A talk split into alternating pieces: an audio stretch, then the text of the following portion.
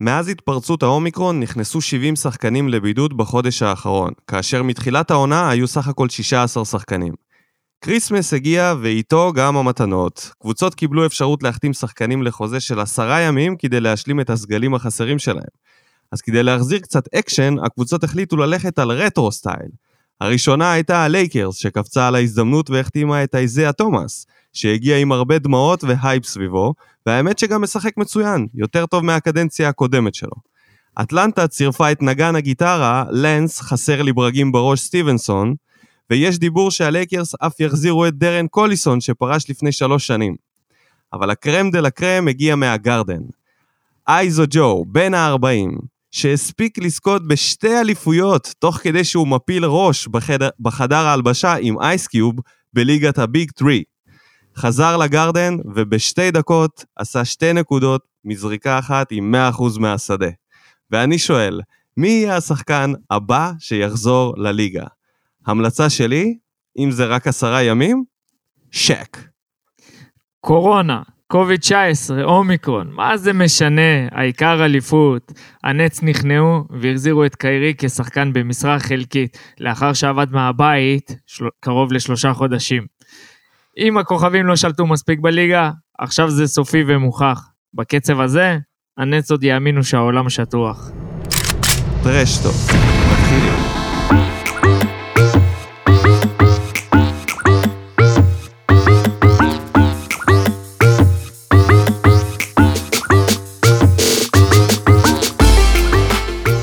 ברוכים אלינו, פרק שלישי העונה של הטרשטוק, פודקאסט ה-NBA של התדר.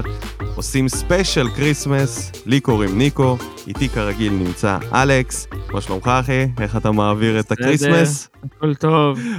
בלי... סנטה הביא לך כבר מתנות? כן, הכניס את כל הליגה לפרוטוקול. לגמרי. אז מזה בדיוק אנחנו נתחיל. נתחיל לדבר על זה שהליגה שלנו מתחילה להיות uh, ליגה של הג'י ליג.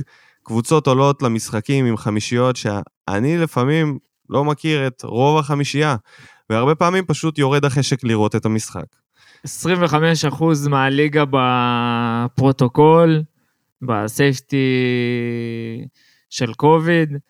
מה זה, משחק אחרון של הנץ, ראיתי את פטי מילס ועוד ארבע שחקנים שלא היה לי מושג מי הם בכלל. אנשים חשבו שאולי הליגה תושה, שבע, שבעה משחקים בערך נראה לי הושו, כאילו דחו אותם פשוט, כי לא היה להם שחקנים אפילו, אפילו לא איזה שמונה בשביל אה, לשחק. ואדם סילבר אומר שאין, הווירוס פה, צריך ללמוד להתמודד איתו, לחיות איתו, וזה מה שיש.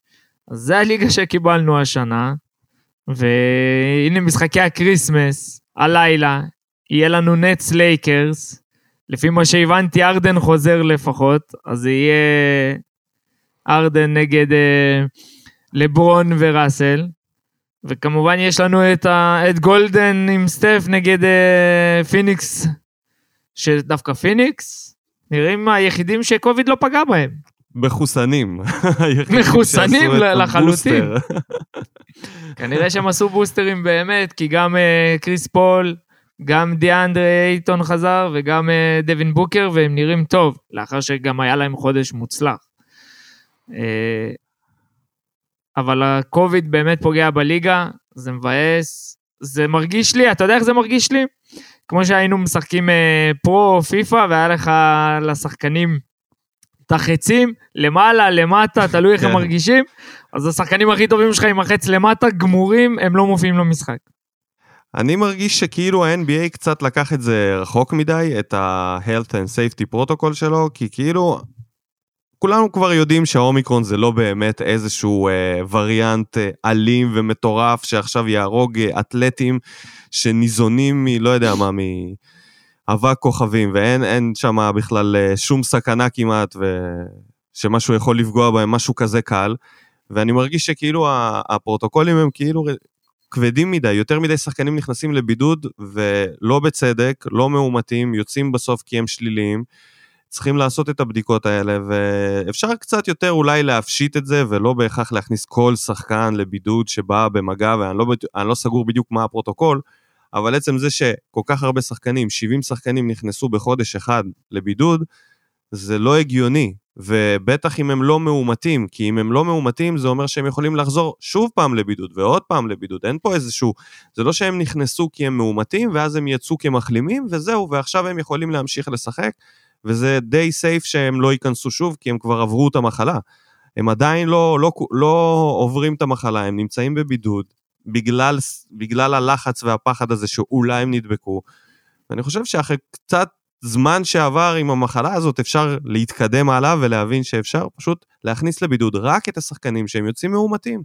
וזה הכל, ולצמצם את זה, וכן, ואם הם חולים, הם חולים. לא, זכר, לא זוכר שחקן NBA שהונשם אה, בגלל קורונה. איזה וריאנט שוח, שלא יהיה. אתה שוכח דבר אחד. קודם כל, אתה, אתה צודק, הליגה מנסה עכשיו עם הארגון שחקנים לקצר את uh, זמן הבידוד לשישה ימים.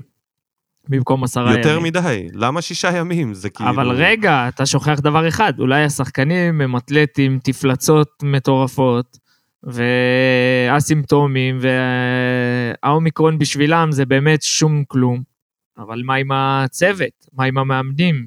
מה עם שאר הצוות, שזה אנשים מבוגרים? מה עם פופ? אתה רוצה להרוג לי את פופ? לא, את פופ לא, את פופ דווקא הייתי שם לו את ה double הגנה, הייתי שם לו גם מסכה N95 וגם את הזכוכית הפלסטיק הזאת שמגנה עליו, ככה גם פחות יצרח אולי על השחקנים וישמור על עצמו, אבל תכלס, בוא, בכל מקום, ב- כשהם הולכים הביתה, שהם עוברים באיזשהו מסדרון, שהם נמצאים ליד אנשים אחרים שהם לא צוות של הקבוצה, גם הם יכולים להיות חולים. כולנו יכולים להיות חולים והסימפטומים, לא רק שחקני NBA הם הסימפטומים. אז אי אפשר באמת לשמור על כל אחד, ואם יש שחקנים, ואם יש נגיד בני אדם שמוגדרים בקטגוריות הפחות אה, תחת סיכון, שאלו הם שחקנים, אוקיי, מאמנים, אם אתה רוצה להחמיר, זה בסדר גמור, אבל כשאתה מחמיר עם שחקנים ואתלטים שהם די בריאים לרוב, וזה לא כל כך משפיע עליהם, אתה מכניס שחקנים לבידוד שהם לא מאומתים, אתה בעצם גורם לליגה שלך יכולה להפוך מ-70 שחקנים בחודש לקבוע. שזה קבוע יהיה ככה, כל משחק עד סוף העונה יהיה עם שחקנים חסרים.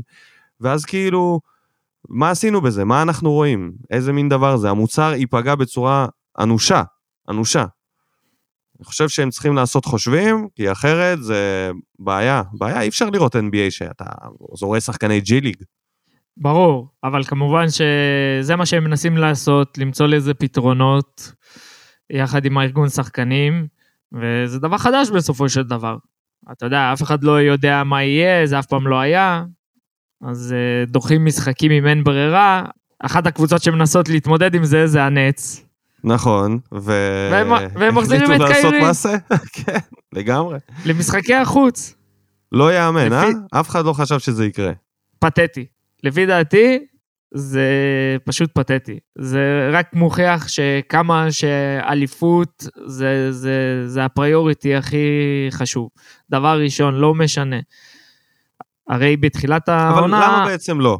למה בעצם לא? אם מחתימים את לא? Iso ג'ו, את אה, קוליסון, את אה, לאנס סטיבנסון, את אייזיה תומאס, שזה על גבול ה... אתה יודע, זה כבר לא בהכרח מקצועי, זה להוסיף קצת אקשן ו show ואיזושהי דמויות אה, מרגשות שיבכו. למה לא לתת לשחקן שיכול להיות באיזשהו שלב הוא כן יהיה רשאי לשחק? יכול להיות ההנחיות השתנו, אולי הוא יתחסן, אלוהים יודע, עם הג'נון הזה. אני לא חושב שקיירי יתחסן. למה לא להריץ אותו כשאפשר, אם אין שחקנים? אני אגיד לך, אני חושב שקיירי לא יתחסן, אבל אין בעיה, יש מלא שחקנים בליגה שהם לא מחוסנים, כן? והם משחקים, פשוט ב state שלהם אין בעיה, אין שום חוק, לעומת אה, ניו יורק וסן פרנסיסקו, שאם אתה לא מחוסן אתה לא יכול להשתתף באירועים כאלו, אז אתה לא יכול לשחק. העניין הוא שאם מלכתחילה הם היו נותנים לקיירי לשחק במשחקי החוץ, לא היה לי בעיה עם זה. אבל פתאום לה, להגיד בהתחלה, זה יהרוס את הכימיה של השחקנים, הוא יבוא רק למשחקי החוץ, איך זה נראה, איך פה, ואז פתאום, אה, ארדן לא משהו, אה, כולם נופלים כמו זבובים לקורונה, כמה KD כבר יכול לסחוב, הוא יגיע לסוף העונה גמור, יאללה, קיירי, תבוא, נו, מספיק לעבוד מהבית.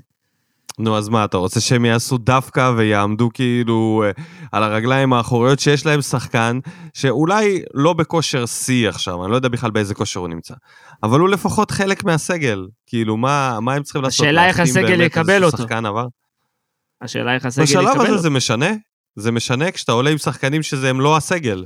כשאתה עולה עם פטי מילס וארבעה שחקנים שהם לא, לא מוכרים, מה זה משנה איך הם יקבלו אותו? הוא פשוט יעלה, ידפוק כמה סלים שהוא יכול, ינסה להוביל אותם לאיזשהו ניצחון, וזהו. וכאילו... אתה יודע מה הדבר הכי מצחיק? הוא, הוא, הוא חזר ונכנס ישר לפרוטוקול. כן, שזה גדול. וויגינס, שלא רצה להתחסן עקב, עקב היותו גורו בקהילת הלא מתחסנים, נכנס גם. ככה שאין, אין איזה... אף אחד לא בטוח. אין מנוס, אין. וקיידי נכנס וכולם. כמו שאמרתי, אני יודע שארדן יצא, אז הוא כנראה ישחק נגד הלייקרס היום, ואפשר לקוות שאולי גם קיידי, שיהיה משחק מעניין.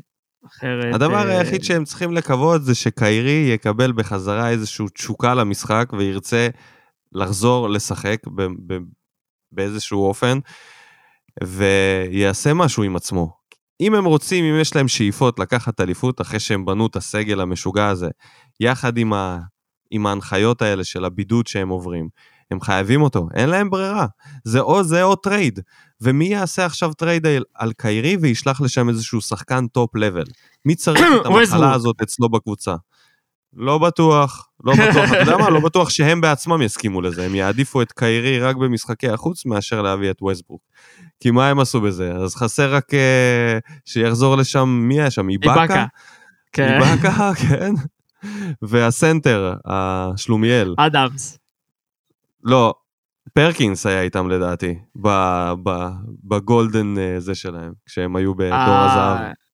האמת ש... קנדריק פרקינס, נראה לי שהוא היה הסנטר שלהם. פרקינס פרסם דרך אגב, שאם מישהו צריך שחקן לחוזה עשרה ימים הוא מוכן לזרום. אני אומר, תשמע, זה ענק. ענק, בוא נחשוב על שחקנים שזה רלוונטי להם. נגיד וינס קרטר ודאי יכול לחזור כבר עכשיו אתה יודע את מי הייתי רוצה לראות? את אייברסון. אה, ברור, נראה לי שזו התשובה ה obvious גם שלי, אבל לדעתי הוא כל כך כבר, uh, אתה יודע, בסמים ובאלכוהול, קרוס אובר אחד והוא יכול לקבל התקף לב, למות על המגרש שם בפילדלפיה. למרות שתשמע, אם יעשו לו איזה קצת חזרה לכושר, אייברסון זאת אופציה טובה.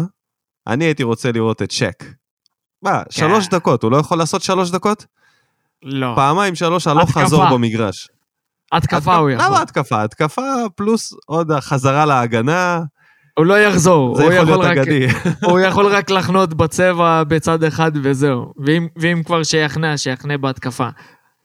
שידרוס מישהו שם. תקשיב, אבל אין כרגע, עם המצב של שחקני הצבע, להחזיר אותו לעשרה ימים, לתת לו משחק וחצי, אתה יודע, כאילו משחק אחד פה ומשחק בסוף העשרה ימים. או רק את האחרון, כדי להחזיר אותו לכושר תשעה ימים, ובעשירי לתת לו את המשחק. זה יכול להיות ענק. הייתי רוצה לראות אותו. כן, שק זה, זה יכול להיות אה, ממש uh, אגדה לראות אותו שוב בליגה. גם אם זה לעשרה ימים. אולי טרייסי מגריידי יכול לחזור. או, יש הרבה אפשרויות. כן.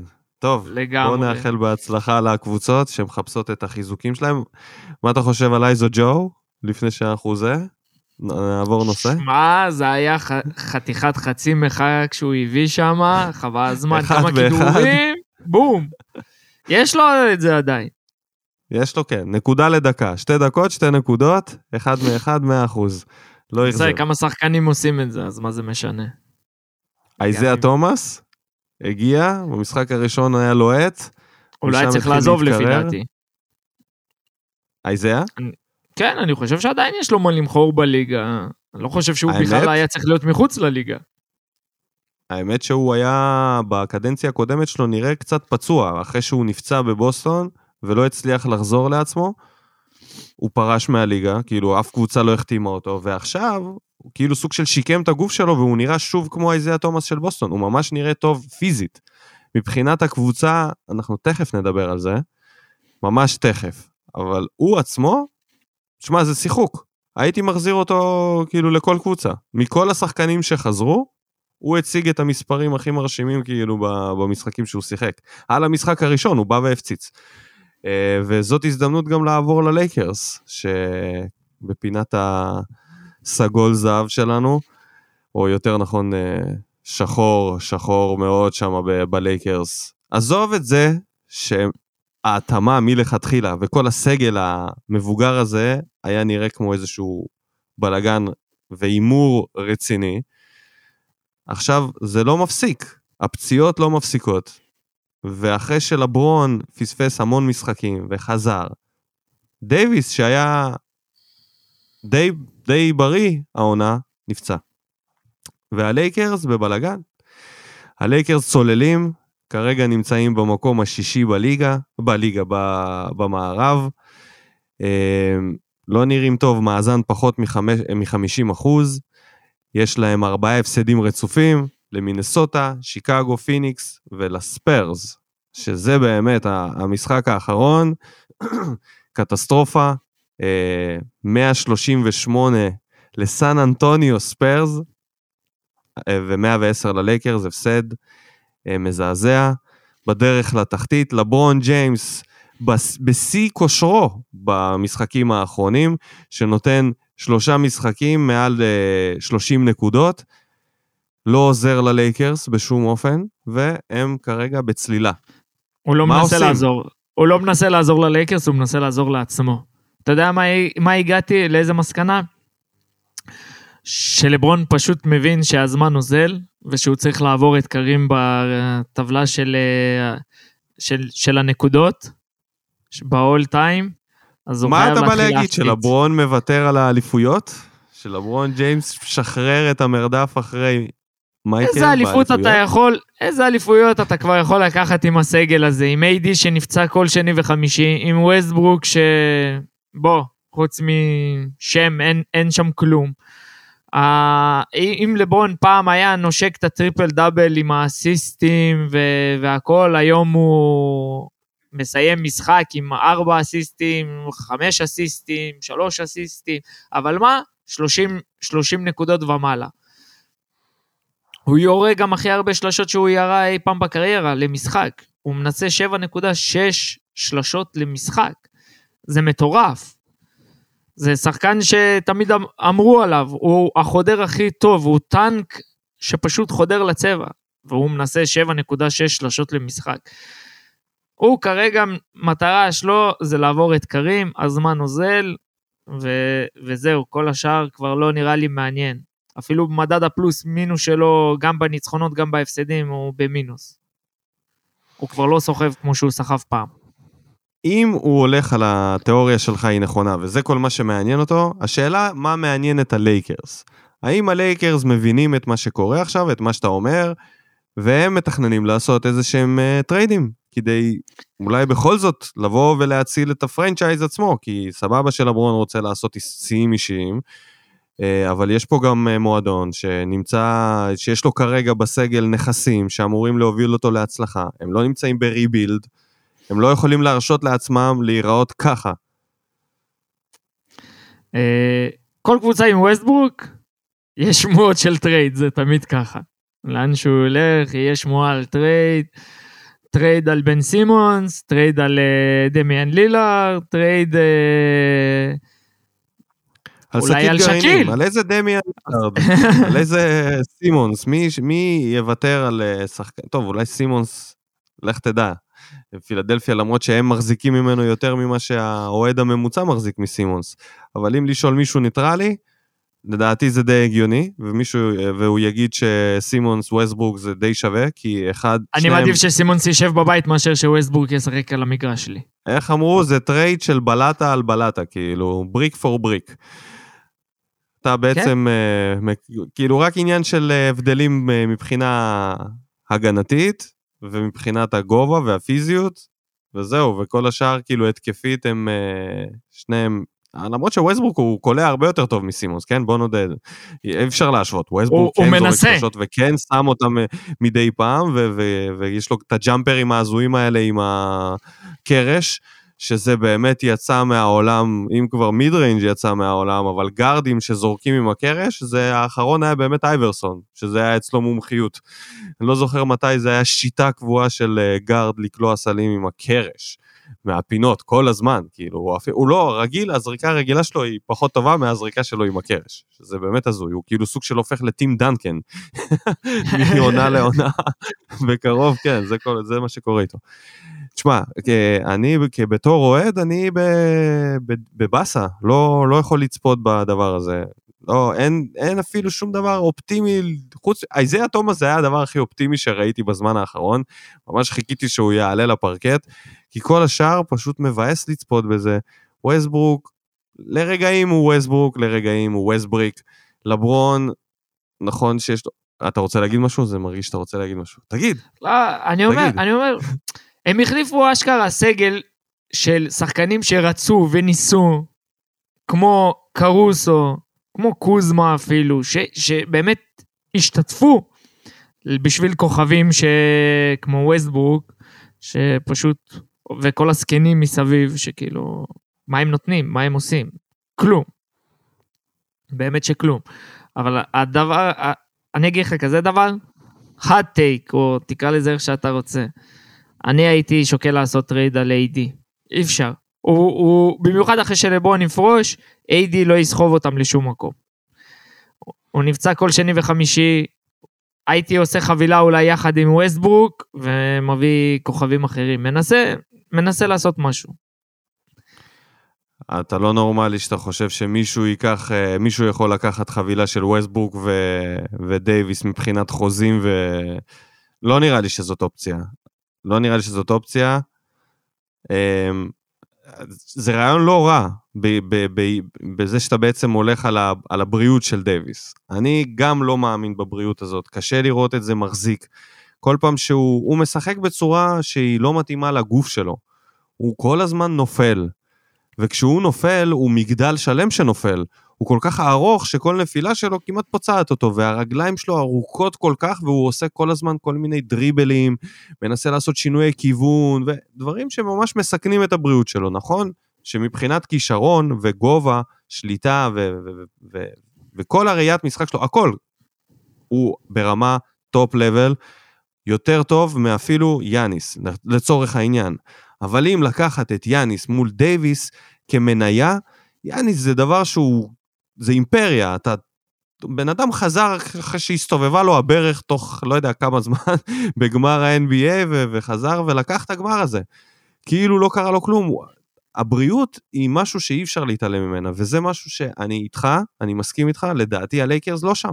הם פשוט לא שם, כי הם מפחדים שאם הם יוותרו עליו, הם יישארו עם, עם לברון, שהוא כבר נושק לסוף, וווסטברוק, שזה משהו שכנראה ייגמר בסופו של דבר, זה לא יחזיק שם, הוא לא יסיים את הקריירה שלו בלייקרס.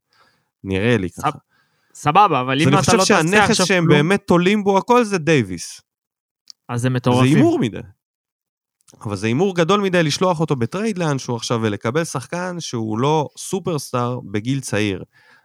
אם אתה שולח את דייוויס ומקבל בחזרה את יוקיץ', אז אני חושב שאתה במקום טוב. ו- ויצאת ויצאת בסדר. קיבלת שחקן שהוא יחסית, שהוא צעיר, לא יחסית, הוא צעיר, והוא ברמה סופר גבוהה, סופרסטאר. אבל מה כן, תקבל במקום לא יקרה. דייוויס? את מיילס טרנר או סבוניס מאינדיאנה שמדברים על הטרייד הזה שרוצים לשלוח אותם לאנשהו? או מה? מה, מה תרוויח? את נורקיץ' מפורטלנד שמחפשת להעיף אותו? אני לא רואה פה איזשהו שחקן, אתה חייב גבוה הרי, אתה לא יכול ל- ל- לעשות טרייד על דייוויס על גארד. כי אז, אז אתה נשאר בעצם עם דיאנדרה ג'ורדן שפרש, ודווייט האווארד שבעסקי הליצנות. אין לך שם אף שחקן גבוה. משחקים שם בחמישייה טרוור אריזה, שנראה יותר מבוגר מג'ו ג'ונסון, אה, אחד השחקנים החשובים בסגל, מרוב שאין להם שחקנים גבוהים ושחקנים שיכולים הם לשמור. יהיו חייבים למצוא לזה פתרון. כך או כך, ברגע שלברון, גם אבל אם האם יש לך לברון איזשהו יפרוש, טרייד בראש? כרגע לא עולה לי משהו זיון. ספציפי. האם זיין לשלוח יותר- בחזרה את דייוויס? זין יותר גמור מדייוויס, כמו שזה נראה. בן אדם כאילו... מתחילת העונה הוא היה אמור להיות שבועיים שלוש בחוץ בגלל הפוט אינג'רי ולחזור, והוא כבר uh, שלושה חודשים גם uh, עובד מהבית יחד עם קיירי. זה... טוב, אז אנחנו נראה לאן זה יתפתח. ובואו נעבור לפינות שלנו. בואו נעבור לקבוצה החמה, ל-on fire, אה, ובחרנו בשביל זה את יוטה. אני אתן לך את הזכות להתחיל, ואני אחר כך אה, אשלים אותך.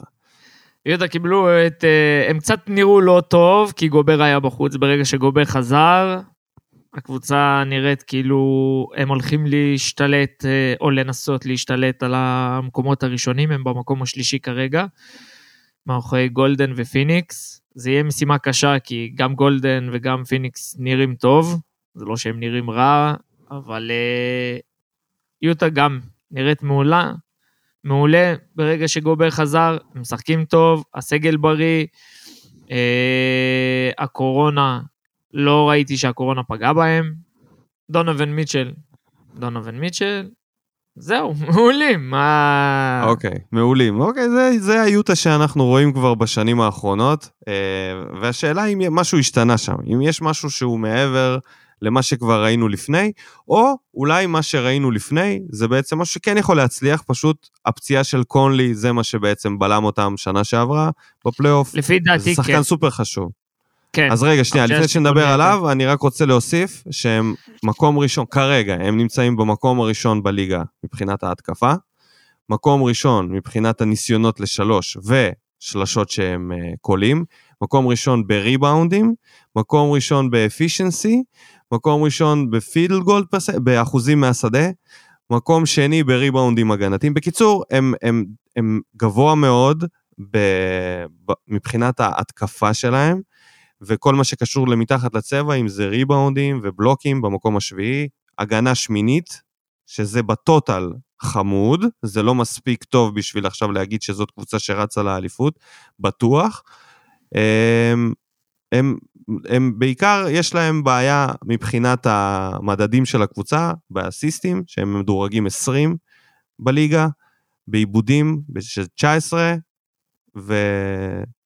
וזהו. וכל השאר בינתיים נראה טוב, ו... ועכשיו אני חוזר איתך לשאלה, מה בעצם, מה, מה קורה עם הקבוצה הזאת? האם זאת עוד עונה, פשוט ש... שהיא תהיה טובה בעונה הסדירה, ואז אנחנו נראה את הצורה האמיתית שלה בפלייאוף, או שיש פה בעצם איזשהו תלקיט שפשוט היה חסר מזל. אם הקבוצה הזאת היא בריאה, הם יכולים להגיע גם לגמר. ולא לגמר המערב, לגמר ה-NBA. עכשיו תפרט, אחרי שאני רושם את זה בפנקס ההימורים שלך. תשמע, שהקבוצה הזאת היא בריאה, שהקבוצה הזאת בריאה, הם באמת, הם, הם יורים מלא שלשות, אבל הם, הם קולים טוב, יש להם קלעים, בוגדנוביץ' ואינגלס, וקלרקסון עולה מהספסל ומביא עבודה, דונובין מיטשל מביא עבודה. יש להם את הסגל, יש להם את המאמן. כמו שאמרנו, שנה שעברה, קונלי היה בחוץ, זה בעיה. השנה, כמובן, עם כל ה-COVID protocols, פציעות, אלוהים יודע, גם שנה שעברה, שהם הפסידו, דונובין מיטשל היה, בדיוק חזר מפציעה כזאת בקרסול, אני לא חושב שהוא היה בריא לחלוטין. אז תוסיף את זה גם לחיסרון של קונלי. בתכלס, הסגל שלהם מזכיר לי מאוד את הסגל של פיניקס, אז אה, ממש, יש לך קונלי וקריס פול, וטרנים, מנהלי משחק, דווין בוקר, דונובין מיטשל, shooting guards, קלעים, יש לך ג'יי קראודר ובוגדנוביץ', ממש, דיאנדרה אייטון, רודי okay. גובר, זה, זה אותו סגל, זה כמו להסתכל במראה. אז, אז, אז אני חושב שיש משהו במה שאתה אומר, אבל בתור הייטר uh, של uh, יוטה, אני רוצה להגיד שאני לא כל כך uh, מאמין בסגל הזה. כי כשזה מגיע לפלייאוף, זה מגיע למצב שאתה משחק, רוב השחקנים והסופרסטארים בליגה האלה הם ווינגמנים. הם, הם uh, משחקים, הם שחקנים די גבוהים, הם מעל 6-6, אוקיי? וכשאתה נמצא עם סגל שהשחקנים האלה שלך הם בוגדנוביץ' וג'ו אינגלס, אפשר להוסיף את רודי גיי לקבוצה הזאת, ש, שצריכים לשמור על, על השחקנים הטובים ביותר. אני לא כל כך בטוח שהם יכולים לעמוד מול פול ג'ורג', קוואי, לברון, כל מיני שחקנים כאלה, או, או אם הם יגיעו לגמר נגד דורנט וארדן, ונגד, אם זה יאניס ומידלטון, שהם די גבוהים. אלו, אלו לא שחקנים שהם מספיק טובים מבחינה הגנתית כדי לשמור. מבחינה התקפית הם בסדר, אז הם קולעים הרבה שלשות, בוגדנוביץ' קולע, אבל אני כאילו רואה שבסופו של דבר זה מגיע לזה שמיטשל הוא השחקן היחיד ש, שיכול להוציא אותם מאיזשהו משחק קשה שזה grind וצריכים להוציא נקודות ושומרים אותך חזק ו- ו- ולא נותנים לך ו- ואני לא חושב שקלרקסון זה מספיק טוב מהספסל, ו... ורודי גיי, אז אתה סתם מיותר. אוקיי, אני חושב שהם ייתקעו בקיר הזה שנקרא רודי גובר לא עושה התקפה, כי כשזה יגיע לפלייאוף, אתה משווה את זה לפיניקס, כשאתה נותן את הכדור לאייטון, שים לב, לא משנה איפה הוא נמצא, על הבלטה שהיא, אפילו עד הקו של השלוש, הוא יכול פשוט לעלות ל jump עם יד אחת, אם זה jump shot, אם זה floater, פשוט שחקן שיכול לעשות התקפה ברגע שיש לך שחקן גבוה כל כך, וכל כך משמעותי, והוא לא יכול לעשות התקפה בפלייאוף, אתה בבעיה. ואז הם מאוד תלויים בקונלי, כמו שאתה אומר, וקונלי הוא לא קריס פול, עם כל הכבוד לקונלי. קריס פול יש לו את הבלטות שלו איפה שהוא יודע שהוא ישים את זה, לא יודע, שמונה מעשר מה... מהעונשין, אם הוא יעלה, אם הוא יגיע לשם זה סל. לא בטוח כמה קונלי בדיוק שם. יש לו משחקים יותר טובים, פחות טובים, אה, זה לא אותו רמה של שחקן מבחינת יציבות. אז אני פסימי, אני לא חושב שהם יגיעו רחוק. אבל יפה, הם נמצאים שוב בעונה טובה, עונה סדירה, שוב עומדים בגבוה למעלה, כמו שאמור להיות. לא יודע כמה זה מספיק טוב. לקחו את זה מאיתנו שנה שעברה, הקליפרס עם השטויות שלהם. השנה, אם פיניקס ויוטה נפגשים, אני מוכן לקחת איתך הימור שיוטה לוקחים. וואו, אני כל כך בעד לקחת את ההימור הזה.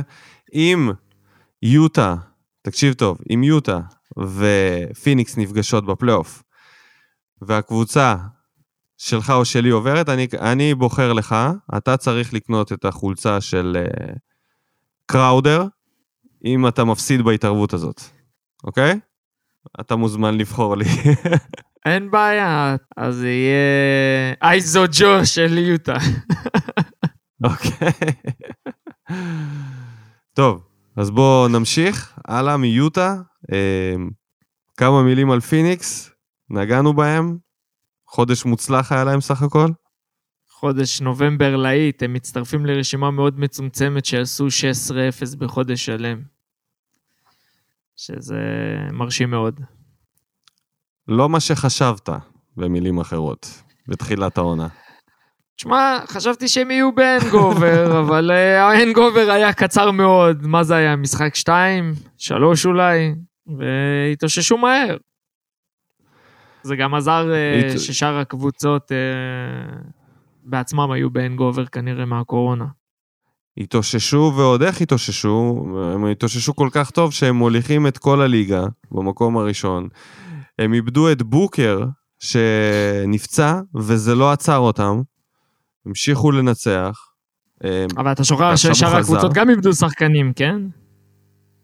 אני מבין, אבל uh, אתה יודע איך זה, זה רולטה, אי אפשר, לה, אין מה לעשות, אתה לא יכול uh, לשפוט אותם שהם לא בסדר כי הם בריאים. אתה יודע, זה כן, מה, ש, מה שקורה בקבוצות אחרות זה בעיה שלהם, אבל הם מבחינתם עושים את העבודה. עכשיו, זה גם נראה שזה לא במאמץ גדול מדי, זה מה, ש, זה מה שהכי נותן ביטחון לאוהדים של קבוצה, להרגיש שזה for real.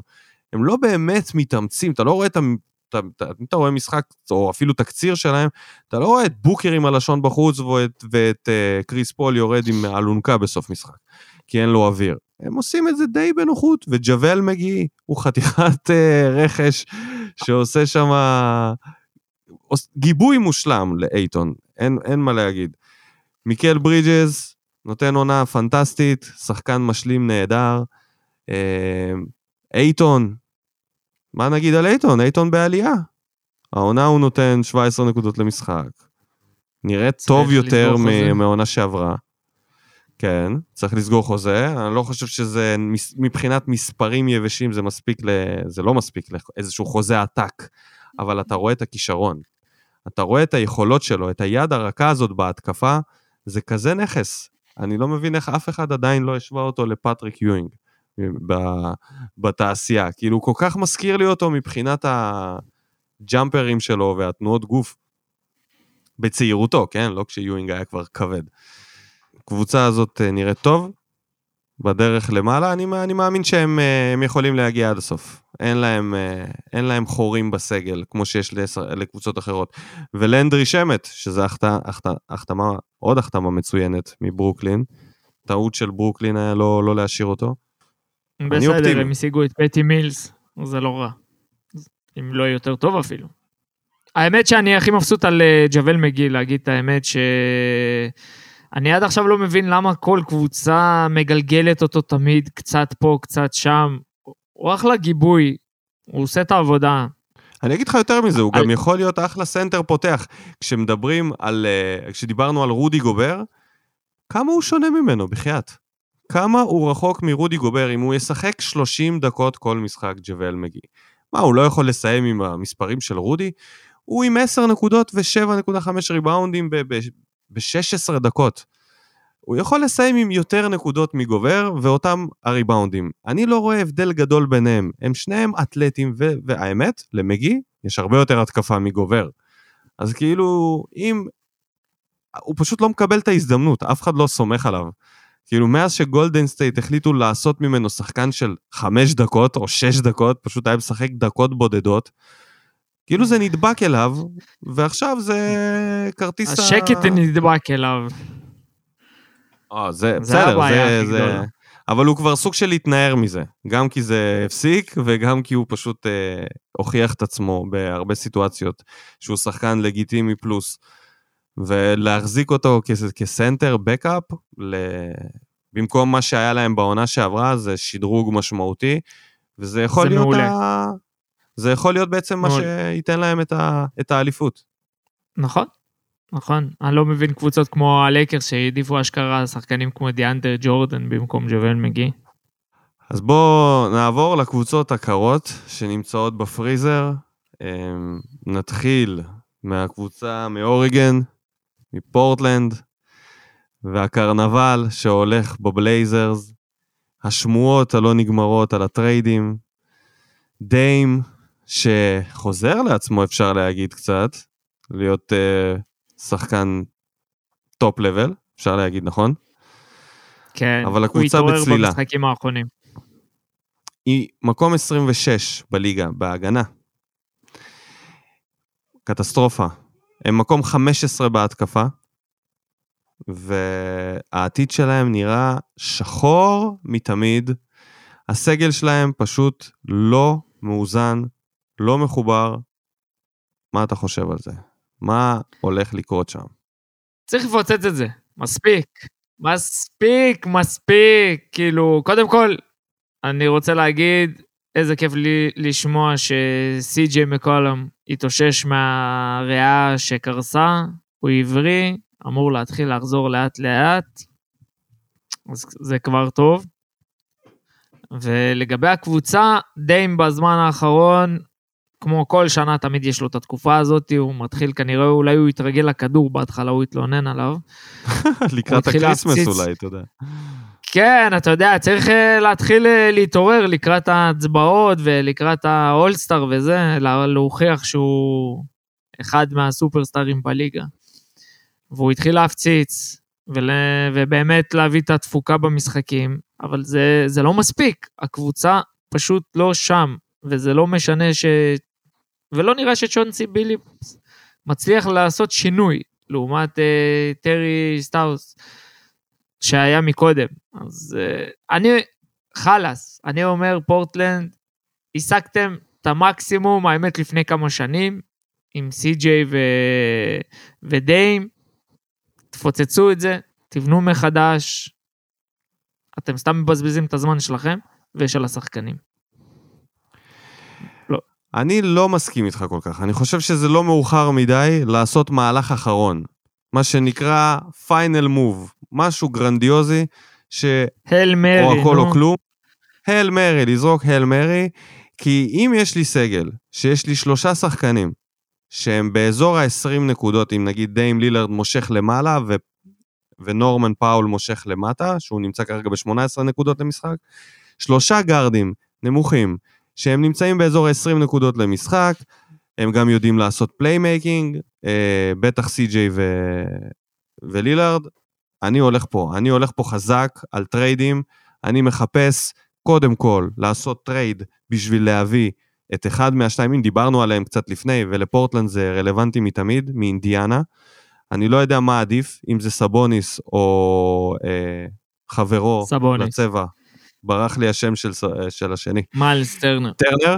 טרנר, כן, אבל אחד מהם אני מביא, תמורת, לא יודע מי, נורמן, שולח אותו, את נורמן ולא יודע מה, או נורקיץ', ראש בראש שולח, מוסיף לזה איזה ננס ג'וניור, או לא יודע מה, קודי זלר, טוני סנל, משהו מה, מהשאריות שלהם, ומביא... שקית אה, קבוקים. שחקן כן, מביא פשוט את אחד מהם, כדי שיהיה לי שחקן בצבע שאני יכול לסמוך עליו, שהוא ייתן לי משהו אחר, ש, שנורקיץ' פשוט לא, לא מסוגל לתת כשחקן שפותח בהרכב. הוא לא מספיק טוב, הוא לא מספיק חזק, הוא לא מספיק גבוה. הבחירה האומללה שלהם בו על פני יוקיץ' היא אחד המהלכים הנוראים של פורטלנד. לא, לא היה להם אופציה בכלל לבחור את יוקיץ'. זה דנבר עש- עשתה את המהלך החכם בזה שהיא בחרה להשאיר את יוקיץ' ולהעיף את נורקיץ'. כן, טוב, אז uh, בכל אופן, אז הם קיבלו, קיבלו את הפחות מוצלח. הם חייבים ללכת פה על הל מרי. אני אומר, אם אפשר להביא את מיילס טרנר ואת בן סימונס תמורת סי.ג'יי, נורקיץ' ועוד כל מיני תוספות, זה יהיה ה Hail Mary שלי. במקרה הגרוע ביותר, שולח את לילארד בטרייד, נשאר עם, עם בן סימונס וטרנר, שהם יחסית צעירים, שאפשר לבנות סביבם, ויכול להיות אפילו תהיה קבוצה יותר טובה ממה שיש להם עכשיו. אבל אני לא מפרק את זה עכשיו. אני עושה את ה Hail Mary האחרון, כי הם עד עכשיו לא עשו את זה. הם שמרו על הצמד הזה, סי.ג'יי והלילארד, אה, עד הסוף. והאמת שזה קצת מזכיר לי את, אה, את המצב בטורונטו עם דה רוזן ולאורי. שמרו עליהם, שמרו עליהם, הם הגיעו לגמר המזרח, הם ניסו והם היו טובים, בדיוק מאוד מזכיר את פורטלנד. עד לגמרי. שהם לא הלכו על הל מרי, הביאו את קוואי לחצי, לשנה אחת בלבד, שהם די, היו, די ידעו שהוא לא יישאר שם למרות הארוחות חינם, ולא משנה מה הוא קיבל שם, מחליקים ו... ו ולא יודע מה, לקחו אותו על הידיים ברחובות, ידעו שהוא לא יישאר, ועדיין זה הצליח להם, הם הביאו אליפות. אני הייתי עושה את אותו מודל בפורטלנד רגע לפני. זו דעתי. אם יש לך משהו להוסיף, טוב. האמת שזה רעיון. טוב, אבל מכרתי לך. לא, לא מספיק, קנית. אני אישית הייתי, אני. אישית הייתי, אני אישית הייתי עדיין מעיף את דיים, לא יודע, משהו, משהו שם לא מסתדר לי. אחד הדברים זה שדיים רואה את עצמו כשחקן מספר אחד. הוא לא. הוא לא. הוא לא? לא. הוא לא. הוא לא ה number one, הוא לא. אתה רואה אותו. כ number one? אני אגיד לך מה, יש לי תזה על זה. רכזים ו number 1 זה קצת, זה יותר מורכב מכל עמדה אחרת. הם, הם העמדה שהכי קשה להיות ב number 1. כי הם נכון. בדרך כלל נמוכים גם. לשמור אותם ולתת להם בלוקים ולעצור אותם, יותר קל מאשר לעצור את מייקל ג'ורדן, או קווין דורנט, או את קובי בריינט, מי שזה לא יהיה, שהוא 6-6 ומעלה. כש, שיש לך שחק... אפילו סטף, שבעיניי הוא אחד השחקנים הגדולים בהיסטוריה, לא הקלע הגדול בהיסטוריה, ונגיע אליו בסוף הפרק, נדבר על זה, לא נשכח. להיות רכז ולהיות ה number 1 זה סופר קשה, תראה את קריס פול. הם רכזים בדרך כלל נמוכים לא מצליחים לסחוב את זה. פשוט אפשר לסגור אותם. דאבלטים עליהם, כל דאבלטים שיגיע, אלו יהיו שני שחקנים שהם לרוב יותר גבוהים מהם. ובדרך כלל מהמצב הזה קשה מאוד להוציא משהו. הבודדים זה היו אייברסון שאני ראיתי בעיניים שלי, כל מיני אה, מרבורי כאלה למיניהם, שהיה להם התקפה ודריבל מטורף. קיירי, אגב, הוא אחד מהם שכן יכול להיות כזה. אבל זה, זה המורכבות בזה, ולדעתי להגיד שהוא לא אחד זה קצת too much, הוא פשוט לא יכול לבד, הוא צריך שיהיו לידו שחקנים שהם, לא יודע, ייתנו לו את הגב הזה, ישמרו עליו, יעזרו לו, שיהיו פיזיים, פשוט לא מספיק טובים. אז הקבוצה שלהם... סבבה, אם הוא לא- אם הוא לא שתיים, ואתה אומר שהוא עדיין אחד, אז הוא צריך, אז הוא צריך להיות 1A, 1B. הוא לא יכול מישהו שהוא שתיים או שלוש, כמו סי.ג'יי, נורמן פאול, נורקיץ' וכל אלו. הוא חייב מישהו שהוא באמת יהיה...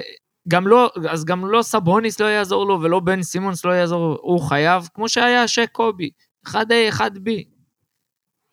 אוקיי, אז אני הייתי מנסה לארוז איזה חבילה ונגיד לגנוב את פול ג'ורג' מהקליפרס, אם זה או, אפשרי. או, כן. שזה משהו זה- זה שאולי נשמע יכול עוד, למרות שהיה היה, היה את הסל של, של הילר דפק לו בפנים, אז לא נראה לי שזאת אופציה שהם ישתפו פעולה עם הביי ביי, שטויות. שהוא סימן להם.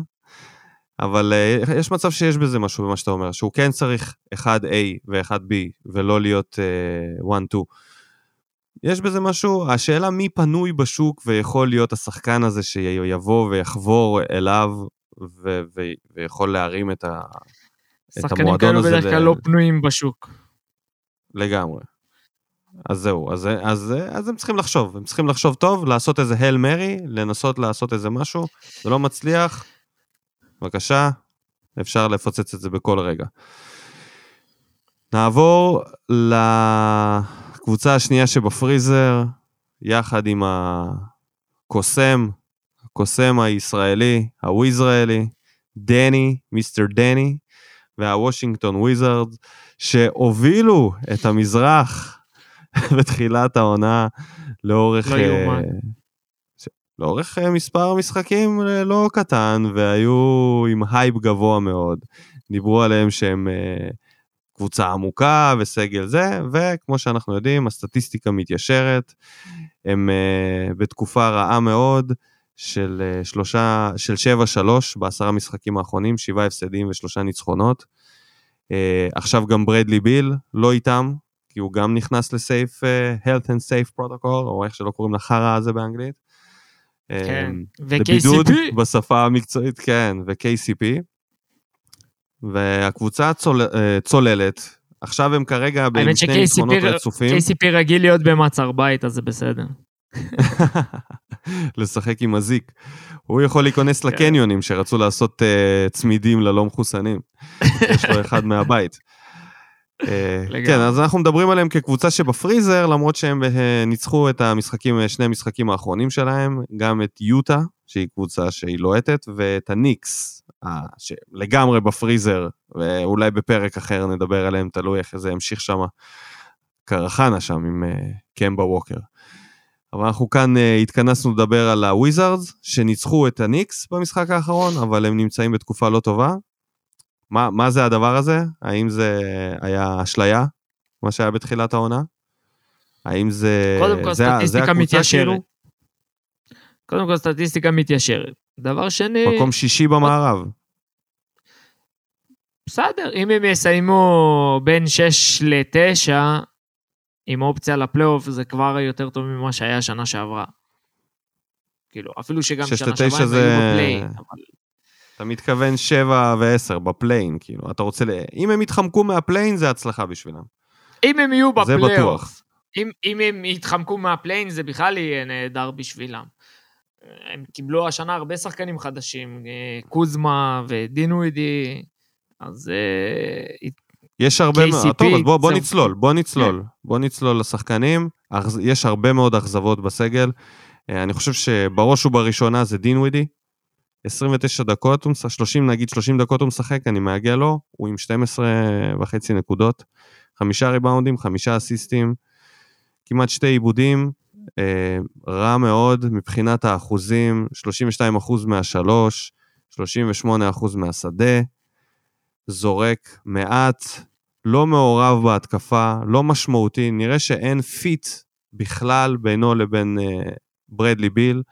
בכלל, אמרתי את זה כשהיינו מגיעים לפינה של דני, אה, ש, שיש להם יותר מדי שחקנים עם אוריינטציה התקפית, וזה בדיוק הבעיה של דין ווידי, שהוא נכנס לתפקיד הרכז, ובתכלס אין לו אפיון של רכז, הוא הרבה יותר קלה מרכז, וכשהוא שיחק במשחק האחרון נגד הניקס, אם, אה, אם זה היה אירון הולידיי או ראול, ראול אני לא מוסר נטו כרכז, אה, הוא היה יותר טוב, הוא נתן משחקים יותר טובים, הוא היה יותר משפיע, הוא היה יותר בעניינים.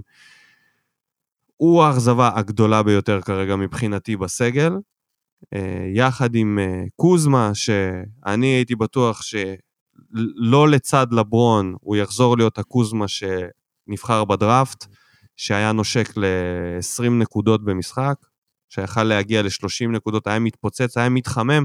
קוזמה לא היה חם מאז שהוא היה במדי הלייקרס לפני לברון. לא זוכר מתי היה לו משחק שהוא הגיע, התפוצץ. משהו בילה עם קנדל משחקים- ג'נר. זהו, היה לו המון משחקים כאלה בתחילת הקריירה, אז הוא גם מאכזב, משחק המון, 32 דקות למשחק.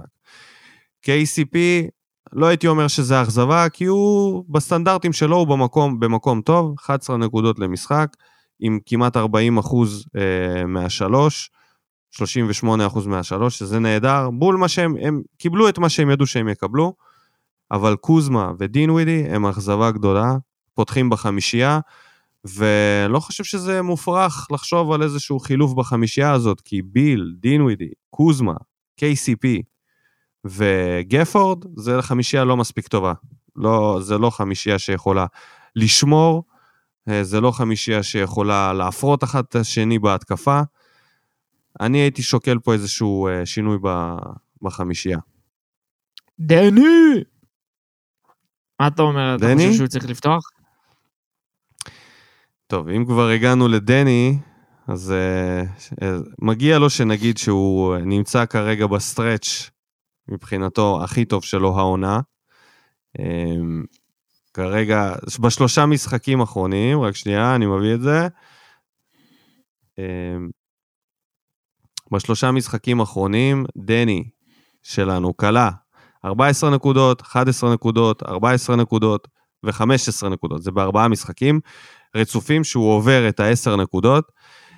הגנתית ממשיך להיות אה, פקטור, מסיים, במשחק האחרון הוא סיים עם שלושה בלוקים. שהבלוקים שלו הם די מרשימים. הם כאלה בלוקים face to face. זה לא איזה chase down או כל מיני כאלה שהוא מגיח משום מקום. הוא פשוט עוצר את השחקן שלו face to face ועוד חוסם אותו, שזה משפיל ברמות אה, גבוהות מאוד. אה, הוא חווה איזושהי עכשיו תקופה מאוד מאוד טובה, מקבל יותר דקות, מקבל את הכדור בהתקפה, חודר לסל בביטחון, אה, זורק מהשלוש בביטחון, למרות שהאחוזים שלו לא אמורים לתת לו ביטחון בזריקה, עם 32% מהשלושה, מהשלוש, אבל לפחות הוא קולע. זה, זה, זה כאילו סוג של יש איום, אז כן צריך לצאת אליו, מאוד חשוב בעמדה שלו, להיות שחקן שקולע משהו, לא יכול להיות מתחת ל-30%, כי אז אתה תיעלם מהליגה הזאת. מבחינת מספרים הוא בעלייה, מבחינת משמעות הוא בעלייה, מבחינת ביטחון הוא בעלייה, העתיד שלו נראה טוב מתמיד, כי השחקנים בעמדה שלו כולם מאכזבים, גם קוזמה. דייוויס ברטנס, אני חושב שזה הזמן לקחת שוד אותו, שוד לאור יום. לצרף אליו כישרון כלשהו, נניח, יש לי שתי אפשרויות, או הצ'ימורה, שלא ראינו אותו עד עכשיו, ונראה שיש תחליפים, או את אה, הסנטר הפצוע שלהם, בריינט, שגם היה נחשב לשחקן עם פוטנציאל והיה בתקופה טובה לפני שהוא נפצע, תומאס בריינט, לצרף אליהם את ברטנס שיש לו חוזה נחמד, ולהביא במקומם שחקן אחד טוב, עם אופי נגיד יותר הגנתי, זה מה שאני הייתי מחפש, או playmaker, רכז שהוא רכז יותר טבעי, לא ראול נטו ודינווידי. הייתי מחפש לעשות טריידים אם אני הייתי, אם אני הייתי הוויזארדס, אני הייתי פעיל מאוד ב trade. הייתי אם אני הוויזארדס אני הולך לפילי, אני הולך לפילי ולדריל מורי ואומר לו חוץ מברדלי ביל אתה יכול לקחת מה שאתה רוצה. לגמרי, מבחינת, אה, אבל הם לא ייקחו מפה כלום. אין להם שום דבר שיכולים לקחת, שפילדלפיה צריכה כדי לקחת אליפות. פילדלפיה לא צריכה כלום. יש להם את כל הסגל המשלים שיכול להיות. הם צריכים... זה נכון. 1A. הם צריכים שחקן שידע לעשות סל. הם צריכים את לילארד, הם צריכים את פול ג'ורג', הם צריכים קוואי, הם צריכים דורנט, הם צריכים כאלה שחקנים. הם צריכים את ברדלי ביל. הם לא צריכים לא את קוזמה ולא את KCP. אז לא נראה לי שזאת אופציה בשבילם. אבל טוב, אני הייתי מנסה לעשות יודע. כל מיני דברים אחרים. למה לא? היה... נגיד, אותו אה, מיילס טרנר יכול לבוא מושלם לוויזארד, סנטר הגנתי, במקום גפורד, שאפשר להעלות אותו מהספסל כאחלה backup, כי בעיניי הוא לא מספיק טוב. אה, עכשיו למה לא, אתה מחפש? לא... להגיע לפלייאוף, לקחת אליפות, כאילו, מה אתה מחפש? אתה יודע שמיילס טרנר לא מספיק לאליפות. בשלב הזה של וויזארד? להג... כרגע הם נמצאים במאבק, אז מבחינתם הכי גבוה שאפשר. במאבק. מה זה מה אתה מחפש? אם אתה במאבק, אתה רוצה ללכת עד הסוף, או כמה שיותר גבוה. נו, אז מיילס טרנר זה התשובה? יכול להיות, כי הם צריכים כרגע יותר הגנה מאשר, אה, ו playmaking מאשר התקפה, יש להם אין סוף שחקנים התקפיים. נקודות הם יכולים לעשות, זה לא בעיה. בגלל זה דני אבדיה כל כך בולט, למרות שהוא כל כך לא בולט התקפית, בגלל שהוא עושה הגנה שהיא יותר מהממוצע, אז הוא מאוד בולט שם. עזוב, מסכן, הוא כבר, הוא כבר אמר, ההגנה מעייפת אותו. תחשוב, אתה מביא את אה, כל החיים. שלך בהגנה, אתה, אתה מגיע להתקפה, אתה כבר גמור, אין לך כוח. אין מה לעשות, אתה. בן 20, לא מעניין אותי, זה לא שיקול. באמת לא מעניין אותי, אני מתנצל, אבל הטיעון הזה לא מתקבל. זה כאילו, מה זה מעייף לא, אותי? זה כן אז- נכון, ברור שזה מאוד מעייף. מעייף. במיוחד בקבוצה שאף אחד לא עושה הגנה. בסדר, אבל הוא לא. אה, קווין דורנט שצריך לקלוע 30 נקודות במשחק, נכון? הוא נותן 7 נקודות בממוצע, בשביל זה אתה יכול לעשות המון הגנה. היו שחקנים שכלו הרבה יותר ממנו בהתקפה, שעשו הגנה. זה, זה לא האמת שזה- מתקבל. ש- האמת שזה בדיוק אה, משתלב יפה עם אה, מה שאמרו עליו בפודקאסט, באחד הפודקאסטים בוושינגטון. אה, דיברו על ההתפתחות של דני, ואמרו שהוא יכול להגיע לרמה של אנדרה איגודלה או דריימונד גרין. מה אתה אומר? לא יודע, תשמע, זה כל כך לא אותו דבר, איך אפשר להגיד אנדרה איגודלה או דריימונד גרין? הם, קודם כל, הם שניהם לא, ברור שזה לא אותו לשני. דבר. כן, אבל שניהם ברור לך הגנתיים. ש...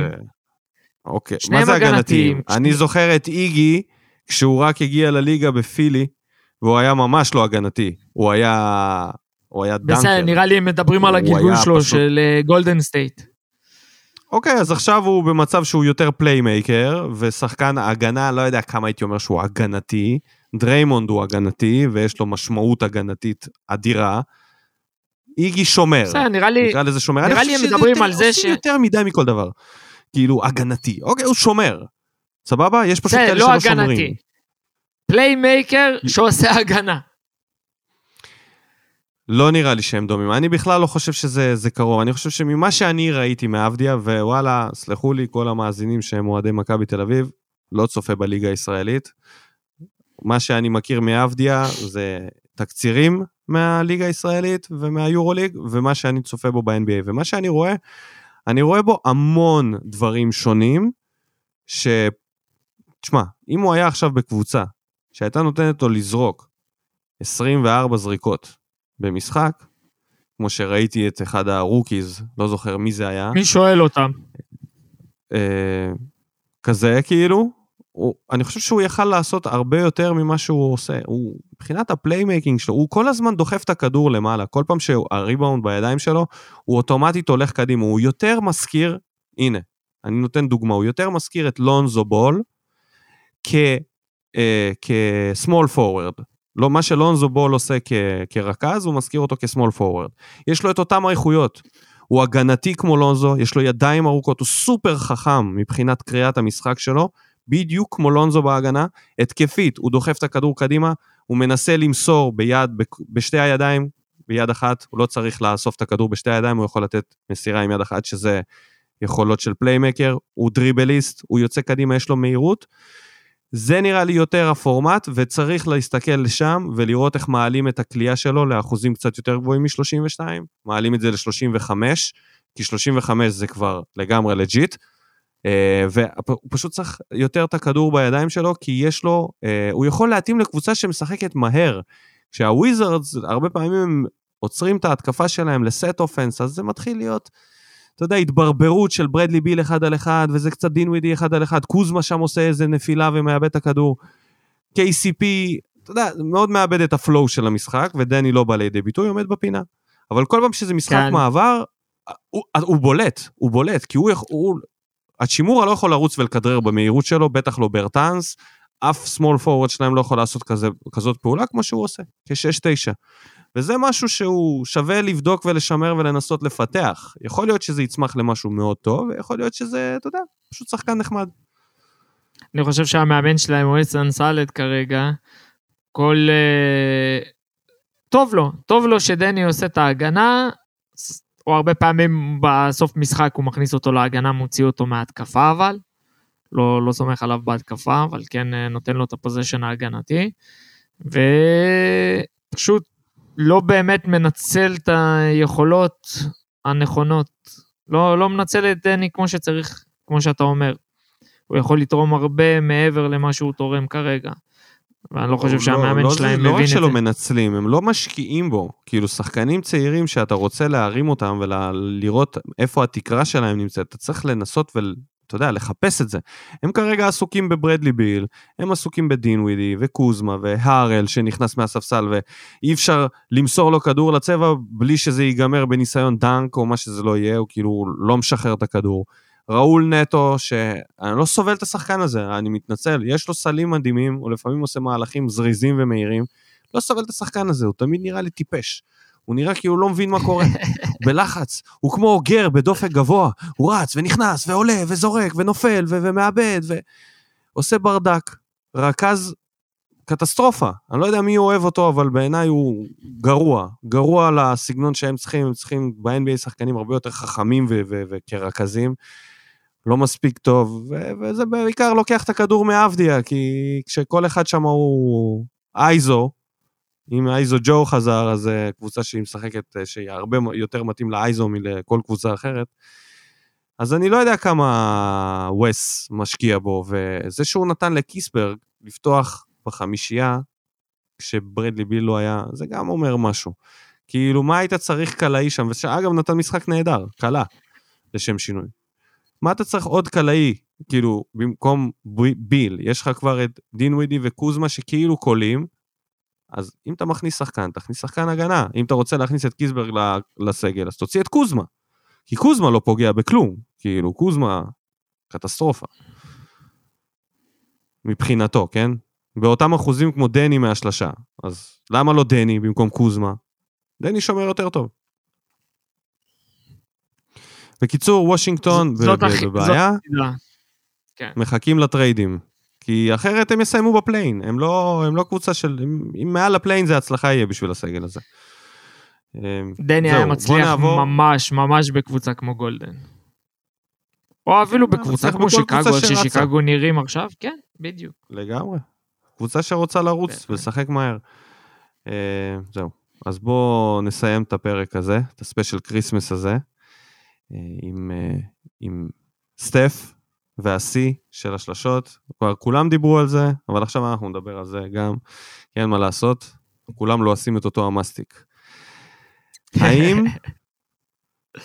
טוב, השאלה היא בנאלית, כי הוא כן הקלע הטוב בהיסטוריה, אבל האם זה כל מה שהוא? האם ככה צריך כל הזמן להגדיר אותו? האם כל פעם שאומרים סטף, צריך להוסיף ליד שהוא ה-best shooter ever? מה זה הקלה הכי טוב בהיסטוריה? תסביר, תסביר לי את ההגדרה הזאת. הקלה שלשות? הקלה מכל מרחק? האם לאפ זה נחשב אה, כליאה או כאילו זריק... מה, מה, מה הכוונה? כלי, זריקה או, או להניח את הכדור? דנק נגיד לא נחשב זריקה. אני חושב שכל פעם כשאומרים קלה, הכוונה שזה קלעי שלשות. כי זה אז כאילו, נטו לשם הם שלשות אנחנו חותרים. מדברים. נטו שלשות. אז אם אנחנו מדברים נטו שלשות, אז כן, הוא כנראה, הוא כן. כי מבחינת אחוזים, הגעת לזה. לא, אני אגיד, תכלס, הרי אין לו את האחוז הכי גבוה, אבל זה לא שיש לו אחוז נמוך, הוא אולי חמישי נראה לי, אני אגיד לך תכלס, הוא ברשימה במקום ה... במקום השביעי אי פעם מבחינת אחוזים. ובינו לבין המקום הראשון זה 2 אחוז. אז זה, זה מגוחך. בינו לבין סטיב קר שבמקום הראשון.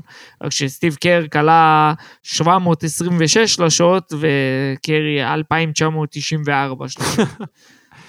כן, זה אפילו לא אה, קרוב. הבדל, הבדל קטן גם בדרגת הקושי של הזריקה, כן? בוא... כן, ברור. אבל מבחינת הכמות גם, אל תשכח שהוא זורק... מה, סטיב קר היה עושה מה? שלושה למשחק? ברור שזה קרי לא אותו. זורק זה- איזה זה לא- 15. לא, ההשוואה פה היא לא, היא לא מציאותית, זה, אין פה מה להשוות. תשמע, הוא עבר את ריי אלן לדוגמה, אבל ריי אלן, בתחילת הקריירה שלו, היה כמו כל שוטינגארד. סקורר, הוא היה חודר הרבה לסל, הוא לא היה איזה ספיישלי שלשות מטורף. רק בהמשך הוא נהיה יותר. אבל אה, אם הוא היה זורק בתחילת הקריירה שלו גם אה, את הכמות שקרי היה זורק, מי, מי יודע. אבל אה, להגיד שהשוטר הכי טוב בכל הזמנים, אני לא חושב שהוא קלעי חצי מרחק הכי טוב בכל הזמנים. נתחיל עם זה. כי בקושי זורק. לגמרי לא, מרחק. ברור שהוא לא קלעי חצי מרחק הכי טוב בכל הזמנים. אבל אם, אם מתייחסים לזה נטו כשלשות, או- אין פה בכלל על מה לדבר, אז זה בכלל לא שאלה, אני לא מבין בכלל מי שואל את השאלה המטופשת הזאת. כאילו, האם הוא הקלעי שלשות הכי גדול בכל הזמנים? כן, התשובה היא כן, כן, עשר פעמים כן, כי לא רק בגלל שהוא קלע הכי הרבה והכי מהר, אלא בגלל שהוא פשוט עשה מהפכה. יש פה ליגה שהפכה את עצמה לליגה אחרת אותנו. לגמרי, אנחנו... הרס או בנה, אי אפשר, ת- תלוי מאיזה צד אתה מסתכל של הקשת, מאיזה צד אתה נמצא של הקשת, כן? הוא פינה את המשחק החדש, דרמטית. לדור החדש זה כיף. לדור החדש שהתחיל לצפות ב-NBA וזה, זה אחלה. אני אגיד לך, רגע, רגע, שנייה, מהדור הקודם. מתבאסים, אני אישית מתבאס מזה. אתה מתבאס, אבל אני אסביר לך מה, מה, מה, מה זה עשה. מה שזה עשה, זה הנגיש את הכדורסל לשחקנים הגרועים ביותר, אוקיי? אם הליגה הייתה בשנות ה-90 וה-2000 של השוטינגארדים, ובשביל לשחק בשכונה, היית עושה חיקוי של או MJ או קובי, או לא יודע מה, תבחר אחד מהשוטינגארדים שאתה אוהב, אם זה אייברסון או אה, מגריידי, אז היית צריך לעשות איזשהו move, היית צריך לעשות fade away, היית צריך לעשות crossover, כדי אתה יודע, להיכנס למשחק פשוט בשכונה, ב- למגרש, כי הליגה הייתה של שוטינגרדים. כולם היו משחקים כשוטינגרדים. מה שזה עשה, זה גרם לשחקנים הגרועים ביותר להשתתף בכל משחק, כי הרי לזרוק שלשה, גם חברה שלי יודעת, ואגב, היא קולעת נחמד. אתה לא צריך לכדרר, אתה לא צריך לעשות שום דבר פיזי, כל מה שאתה צריך זה לעמוד קצת יותר רחוק מכולם, ולהעיף את הכדור. ואם זה נכנס, אתה תותח. זה מה שזה עשה, וזה שינה את כל הגישה למשחק. כל כך הרבה אנשים התחברו למשחק מאז השלשות. אני זוכר שח... חברים שלי שהיו משחקים שהיו גרועים, זה מה שהם היו עושים. כי הם- לא יכולים לחדור פנימה, אין להם דריבל, הם, אין להם משחק פנים בכלל, אז הם היו זורקים שלשות, כי זה הכי קל. וכשזה המשחק שאתה רואה בטלוויזיה, כולם משחקים אותו בשכונה, אז כולם יכולים לשחק.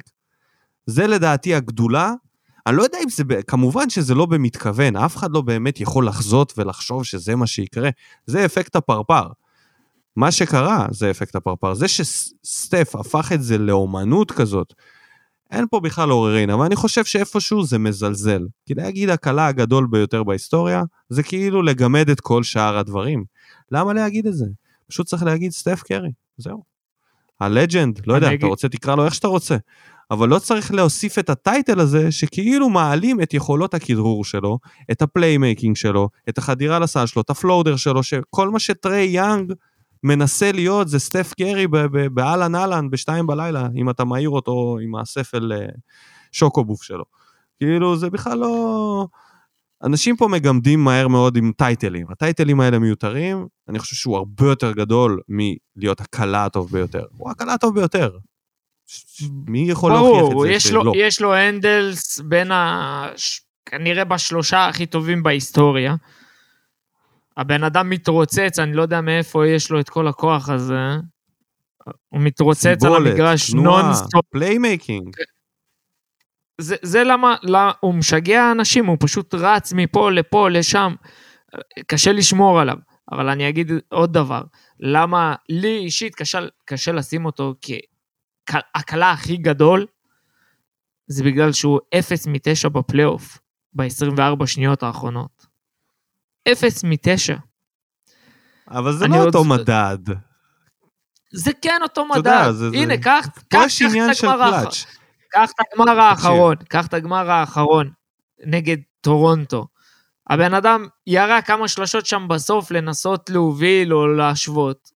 בריקים, בריקים אחד-אחד, אם הוא הקלה הכי גדול. איך, איך לא קלט, איך אתה אפס מתשע בפלייאוף, איך, אפס אחוז. אפילו לארדן יש אחד מתשע לעזאזל. אני אענה לך על זה, אני אהיה העורך דין שלו ואני אענה לך על זה. מה נו. שאמרתי מקודם על לילארד, כשאתה רכז ואתה נמוך, יותר קל לשמור אותך, וכשאתה קלעי, זה לא, לא כזה מורכב, סך הכל אתה צריך לשלוח אליו עוד שומר, ואז הלחץ הזה שאתה מדבר עליו, שהוא הקלעי, שהוא חייב לזרוק, שיזרוק מהחצי, יש לו את הטווח, לא? יש לו את הטווח, אבל הקלאץ' זה עולם אחר, ועכשיו אני אתן לך. עוד טיעון, אני אתן לך עוד טיעון. אני, אני אתן דוגמה לסל שמאוד מוכר, כי הוא בהרבה היילייטים. השלשת ניצחון של אה, קובי בריינט על מיאמי היט, שהוא עשה צעד וחצי לאורך השלשה, וכלה עם הקרש. האם זאת שלשה שצריך להתייחס אליה כשלשה, או שזה פשוט ווינר שוט, זה קלאץ', זה בן אדם שהצליח לייצב את עצמו באיזשהו אופן ולשלוח את הכדור הזה מספיק ישר, שגם אם זה יפגע בקרש זה ייכנס פנימה. לדעתי, אופציה ב'. אני חושב שבקלאץ', בשניות האחרונות, אסור להתייחס למשחק כמאיפה הוא זרק, אם זה היה בצבע, אם זה היה מהשלשה. ראיתי שחקנים מחטיאים מתחת לסל, מהלחץ, ראיתי שחקנים שלוקחים את הכדור אחרי ריבאונד, אופנסיב ריבאונד, וחושבים שהם מובילים את המשחק ומבזבזים את הזמן, ולא זורקים, קוראים להם ג'י.אר סמית.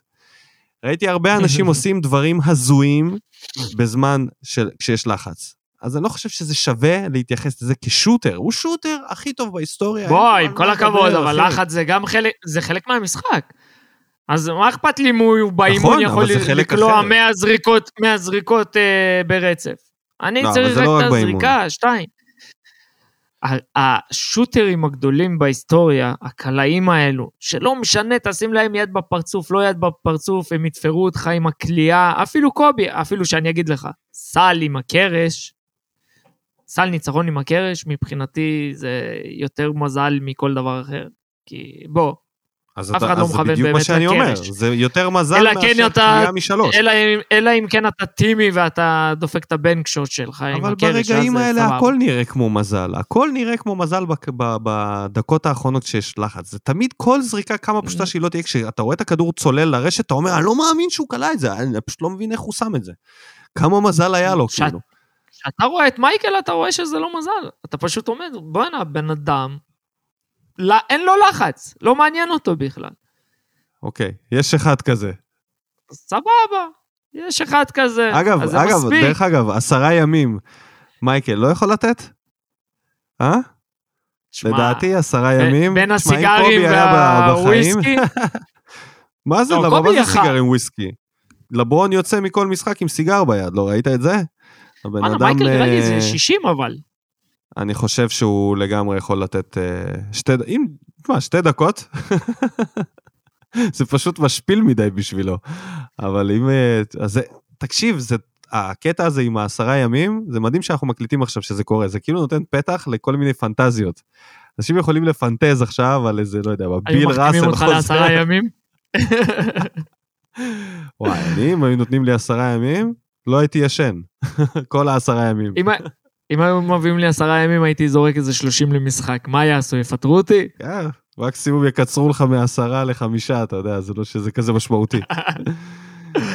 כן, לגמרי. טוב, אז בואו נסיים וניפרד ונגיד תודה למאזינים. היה פרק טוב. ה Christmas לפנינו, ה all-star לפנינו. אה, נעשה עוד פרקים special לקראת הפלייאוף, שם באמת נתחמם.